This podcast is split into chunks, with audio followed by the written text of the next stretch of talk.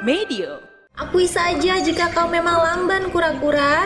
Terus diajak oleh kelinci, kura-kura pun berpikir, bagaimana ya cara membuat kelinci tidak lagi sombong? Akhirnya, kura-kura mengutarakan idenya. Aku akan membuktikan bahwa aku bukan binatang yang lamban. Bagaimana jika kita lomba lari? Dongeng pilihan orang tua. Bersama Nakita. Kabar gembira untuk teman-teman semua. Saat ini kami juga hadir di platform Noise dengan dongeng-dongeng pilihan yang gak kalah seru. Jangan lupa ikuti dan dengarkan ya. Di satu hutan rimba yang lebat, terdapat sungai jernih yang biasa menjadi tempat berkumpulnya para binatang. Biasanya, mereka akan saling bercerita atau bertukar makanan di tepi sungai. Hari itu, Hewan-hewan penghuni hutan terlihat sedang berbincang dengan amat seru. Kura-kura yang ikut berkumpul pun senang mendengarkan hewan-hewan lain bercerita. Suasana hari itu sangat damai dan menyenangkan. Tapi tiba-tiba, kelinci datang dan mengacaukan semuanya. Wush! Dia memamerkan kemampuannya berlari cepat.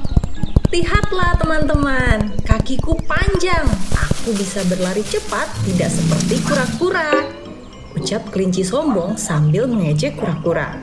Mendengar kelinci yang menyindir dirinya, kura-kura hanya menjawab, Aku tidak lamban, aku hanya tak ingin terburu-buru. Balas kura-kura. Kelinci kesal karena kura-kura menanggapinya dengan tenang. Dia tidak puas dengan jawaban itu dan terus menggoda kura-kura. Akui saja jika kau memang lamban kura-kura. Terus diajak oleh kelinci, Kura-kura pun berpikir, bagaimana ya cara membuat kelinci tidak lagi sombong? Akhirnya, kura-kura mengutarakan idenya. Aku akan membuktikan bahwa aku bukan binatang yang lamban. Bagaimana jika kita lomba lari? Tantang kura-kura. Mendengar tantangan kura-kura, kelinci tertawa terbahak-bahak. Hahaha, kamu pasti bercanda kan? Ucap kelinci tertawa sampai perutnya sakit. Sementara itu, teman-teman binatang yang lain merasa kasihan kepada kura-kura. Mereka semua tahu, walau sombong, kelinci memang hewan yang paling cepat larinya di antara mereka. Kelinci punya kaki-kaki panjang yang lincah, sementara kura-kura yang ke mana pun membawa rumahnya hanya bisa berjalan lambat. Kura-kura pasti kalah. Akan tetapi, Kura-kura tidak gentar menantang kelinci yang sombong. Apa kau takut, kelinci? Tanya kura-kura. Karena tidak mau diremehkan, kelinci pun menerima tantangan kura-kura. Mereka pun sepakat akan bertanding esok hari. Malam itu, kura-kura tidak bisa tidur. Ia terus memikirkan tantangannya kepada kelinci dan bagaimana ya cara memberi pelajaran kepada kelinci agar ia tidak sombong lagi Pagi harinya, semua binatang sudah berkumpul di tepi sungai hendak menyaksikan pertandingan lari antara kura-kura dan kelinci.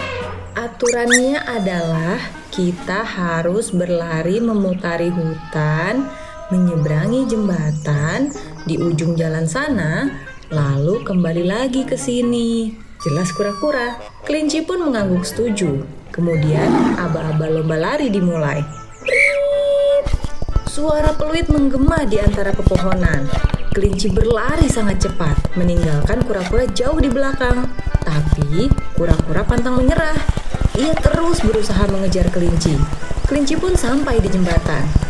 Ia berlari sangat kencang karena ingin segera menang. Kelinci terus berlari, berlari. Karena tidak memandang ke depan, kelinci tidak sadar kalau di jembatan ada pijakan yang rapuh dan sudah retak. Begitu kelinci melompat ke atas jembatan, tiba-tiba jembatan itu runtuh. Biur! Kelinci terjatuh ke dalam sungai yang dalam. Biarpun kelinci memiliki kaki yang panjang dan cepat, dia tidak bisa berenang. Kelinci kebingungan, tangannya tidak bisa meraih. Kakinya bergerak-gerak tak karuan berusaha agar tubuhnya tidak tenggelam. Tak beberapa lama kemudian, Kura-kura juga sampai di jembatan. Kura-kura yang lambat itu terkejut karena mendapati jembatan telah runtuh. Sayup-sayup dia mendengar teriakan minta tolong. Ternyata kelinci di bawah sana hampir tenggelam. Kura-kura bergegas turun ke pinggir sungai. Kura-kura memang lambat berjalan di darat, tapi dia berenang yang ulung. Dengan cepat, kura-kura meraih kelinci di tengah sungai. Kemudian dia berenang membawa kelinci ke tepian. Setelah beberapa saat, akhirnya kelinci bisa kembali bernapas lega. Terima kasih kura-kura, kau telah menyelamatkanku, ucap kelinci.